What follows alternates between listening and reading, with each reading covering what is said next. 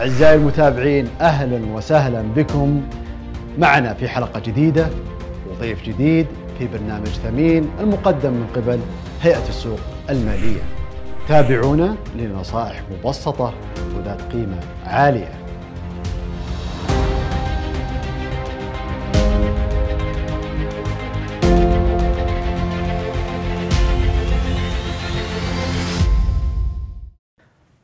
السلام عليكم ورحمة الله وبركاته. أعزائي المشاهدين حياكم الله. أنا عبد الله الربدي وأهلا وسهلا بكم في برنامج ثمين التوعوي.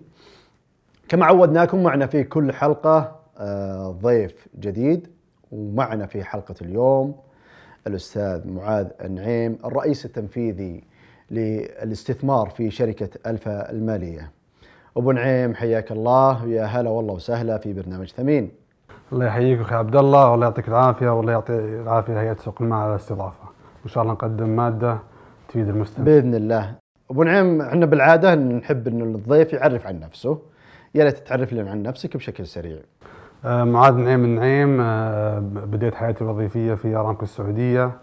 آه، انتقلت في أقسام مختلفة في إدارة الاستثمار. عضو في لجنة الاستثمار والأوراق المالية بغرفه الرياض. عضو مجلس إدارة في جمعية المحللين الماليين المعتمدين سي إف اي وفي الآونة الأخيرة انتقلت آه، إلى تأسيس شركة مع مجموعة الشباب آه، وهي شركة المالية المرخصة من هيئة سوق المال. أبو نعيم نبدأ في أول محور من محاور الحديث. الاستثمار والادخار دائما هذا المفهومين موجودين ينطرحون دائما في عالم الاستثمار. والمستثمرين يمكن ما عندهم آه، الرؤية الواضحة حول الادخار والاستثمار وش العلاقة بين الادخار والاستثمار؟ وهل ممكن يكون مستثمر ومدخر آه، في نفس الوقت؟ وهل يوجد شيء اسمه الاستثمار الادخاري؟ ممكن تعطينا كذا شرح عن هذه المفاهيم المتداخلة مع بعض. العلاقة بين الاستثمار والادخار طبعا علاقة وطيدة ووثيقة آه، الادخار آه، هو نواة الاستثمار. الاستثمار شرطه المسبق هو الادخار. لابد إنك تدخر أموالك عشان تستثمرها. طبعا الفرق بين الادخار والاستثمار تقاس عادة بالسيولة. عادة الادخار آه، يمتاز بسيولة عالية. آه، عادة الادخار يستخدم في أغراض عرضية ك يعني شراء إما سيارة أو شراء قطعة أثاث أو الاستخدام للسفر. ولكن الاستثمار عادة السيولة حقتها أقل. يستخدم في في أمور طويلة الأجل. آه، وله أهداف مختلفة عن الادخار. آه، جزء من أهدافه أو بعض أهدافه آه، إما للتقاعد أو شراء منزل مستقبلي. هذه أهدافه. طبعا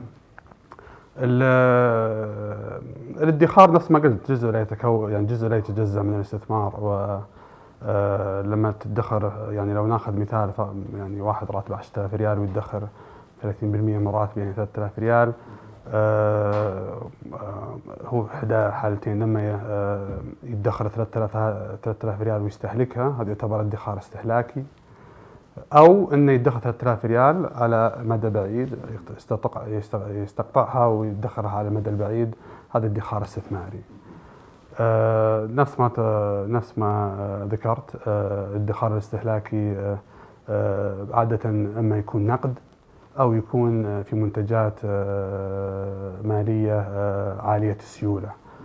لما يتم تسييدها ما تقل ما فيها خسارة وما ما ما يكون فيها ما يشرع الشخص اللي يسيل امواله الخسارة. ولكن الاستثمار آه، عادة تكون في منتجات آه، سيولتها أقل آه، الخروج منها بشكل مباشر أو بشكل سريع قد يسبب الخسارة.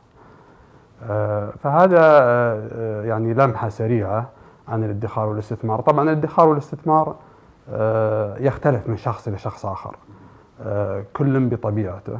عادة طبعا الدول والمجتمعات تحاول تسدد أو أو تقلل الفجوة بين الادخار والاستثمار.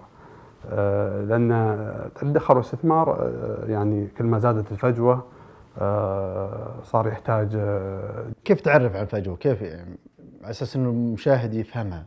ما إيش تقصد بالفجوة بين الادخار والاستثمار؟ إذا زاد الاستثمار آه، وقل الادخار قل الاستهلاك واذا قل الاستهلاك تتأثر قطاعات كثيرة كالقطاعات الخدمية. الاستهلاكية وال القطاعات الخدمية وقطاع التجزئة. التجزئة و- والعكس صحيح إذا زاد آه، الادخار وقل الاستثمار يؤثر هذا على الدورة الاقتصادية يؤثر على الإنتاجية.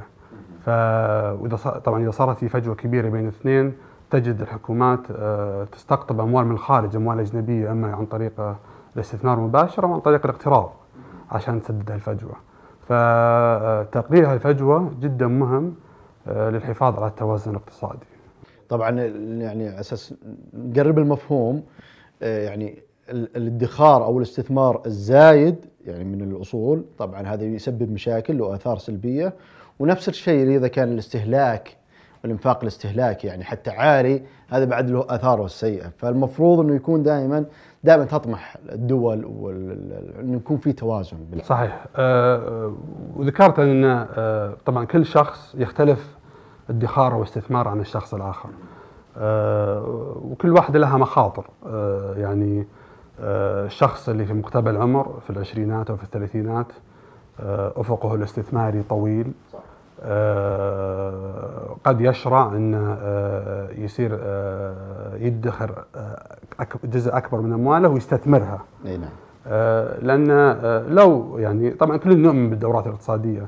آه، لو صار في تباطؤ في الاقتصاد ممكن يتعافى لأن آه، نفسه طويل صح. أفقه ما زال- ما زالوا في عمر الشباب يعني. بالضبط بالضبط. آه، طبعا والشخص كل ما تقرب كل ما اقترب من من التقاعد يصير ما عنده نفس طويل للاستثمار فلا بد من آه، إنه يضع أمواله في منتجات آه، عالية السيولة. صحيح. آه، وسلوك الاس- سلوك الشخص نفسه بعد جدا مهم. بعض بعض الأشخاص مثلا آه، ما يتقبل إنه حتى لو حتى وهو في مقتبل العمر ولكن آه، ما عنده الرغبة إنه آه، يخوض في المخاطر ويخوض في المجازفه، طبعا كل استثمار له مخاطره. صح. آه، ما في استثمار ما في مخاطر. آه، فتجد إن الشخص مثلا آه، يعني آه، آه، سلوكه ما يسمح له انه آه، يستثمر أمواله في آه، آه، منتجات آه، آه، مستوى المخاطر فيها من متوسطه إلى مرتفعة. فهذا حتى في مقتبل العمر ما تقدر تخليه يستثمر لأنه قد يسبب آه، إشكالات نفسية له. آه. ال- القدرة المالية وث- وثروة الشخص نفسه آه، جدا مهم. يعني في ناس عندها القدرة أنها تدخر آه، آه، جزء كبير وتستثمرها لأنه آه، ممكن يصير آه، الدخل آه، الشهري حقه جدا كبير يغطي مصاريفه. اول التزاماته قليلة. أو التزاماته قليلة. فممكن يحافظ على مستوى المعيشة آه، بالدخل حقه. آه، فعنده قدرة إنه يأخذ آه، مخاطر أعلى. آه، ويستثمر آه، أكبر جزء من ادخاراته في آه، في منتجات آه، من متوسطة إلى عالية الخطورة. آه، أعتقد الناس إنهم لما بعد آه، على موضوع الادخار والاستثمار في فكر مغلوط أتوقع عند عند البعض إنه آه، يضع آه، ادخاراته على شكل نقد وهذا طبعا آه، مو جيد لأن آه، مع ارتفاع وتيرة آه، التضخم آه، تتآكل الاموال وتقل القوة الشرائية لل- للمنتج. فلا بد من إن الشخص عندما يدخر ينوع ينوع شوي من من مدخراته ويضعها في منتجات مختلفة. ممتاز طيب اليوم المستثمرين سواء باي قطاع يحاول يبحث عن المعلومة. زين خلينا نشوف مثلا أكبر شريحة منهم الآن في مثلا في الاستثمار في الأسواق المالية. زين يحاولون يبحثون عن المعلومة وبعض المستثمرين غايبة عنه كيف يلقى المعلومة هذه؟ زين كيف المستثمر يحصل على المعلومات المناسبة الصحيحة ومن أين؟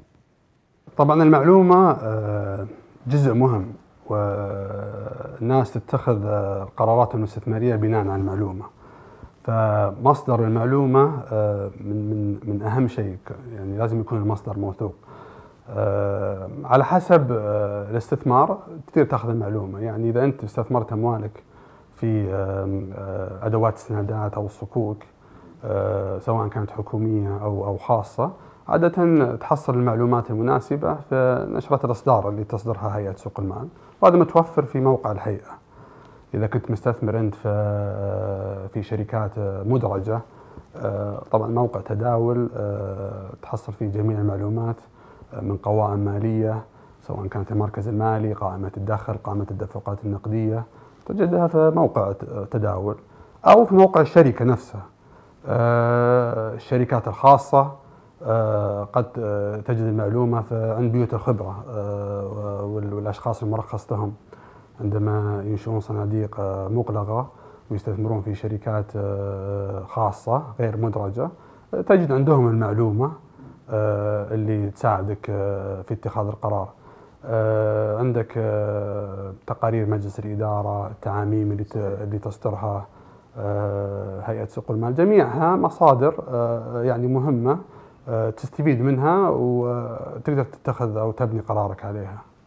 طيب المستثمر اليوم عنده استثمارات معينة زين يبحث عن حماية إلى درجة معينة لهذه الاستثمارات.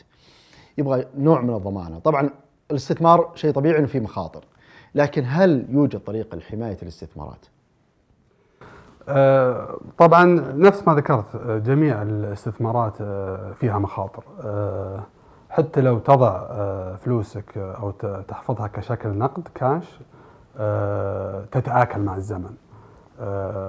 فاعتقد في أمور نفس الوقائية أو الاحترازية اللي ممكن يقوم فيها الشخص لحماية استثماره. أولها طبعا تنويع الأصول. تنويع الأصول جدا مهم. يعني ينوع أصوله بين بين نقد وبين أسهم وبين عقارات وبين شركات خاصة وشركات مدرجة. آه، ويتأكد إن آه، آه، معامل الترابط أو الكورليشن بين هذه الأصول قليلة. فهذه جدا مهم عشان مع طبعا معاملة ترابط الأساس اللي يفهمونها الإخوان. معاملة ترابط اللي هو يقيس ترابط ارتفاع العوائد والمخاطر طبعا بين أصلين. فما يصلح مثلا كلهم في قطاع الاتصالات وتاخذ شركة ثانية بقطاع الاتصالات، شيء طبيعي إنه بيكون معامله ترابط مرتفع بينهم. بالضبط. آه، ف آه، محاولة لتقليل معاملة الترابط مهم عشان آه، ينشئ محفظة متنوعة الأصول. شغلة ثانية على موضوع فهم طبيعة الاستثمار جدا مهم. فلازم يكون على دراية بالاستثمار اللي يخوض فيه عشان يقدر يحمي استثماره. آه، أستاذ معاذ أبو نعيم شكرا لك على هالمعلومات القيمة وشكرا لحضورك معنا اليوم. حلقة كانت مثرية ومعلومات ممتازة. شكر لكم والشكر لهيئة سوق المال وإن شاء الله ان قدمنا ماده تفيد المستمع. شكرا لك وشكرا لكم أعزائي المشاهدين آه، وأتمنى إن شاء الله ان قدمنا لكم حلقة آه، جديدة حلقة جميلة ونلتقيكم إن شاء الله في حلقة قادمة من برنامج ثمين التوعية. والسلام عليكم ورحمة الله وبركاته.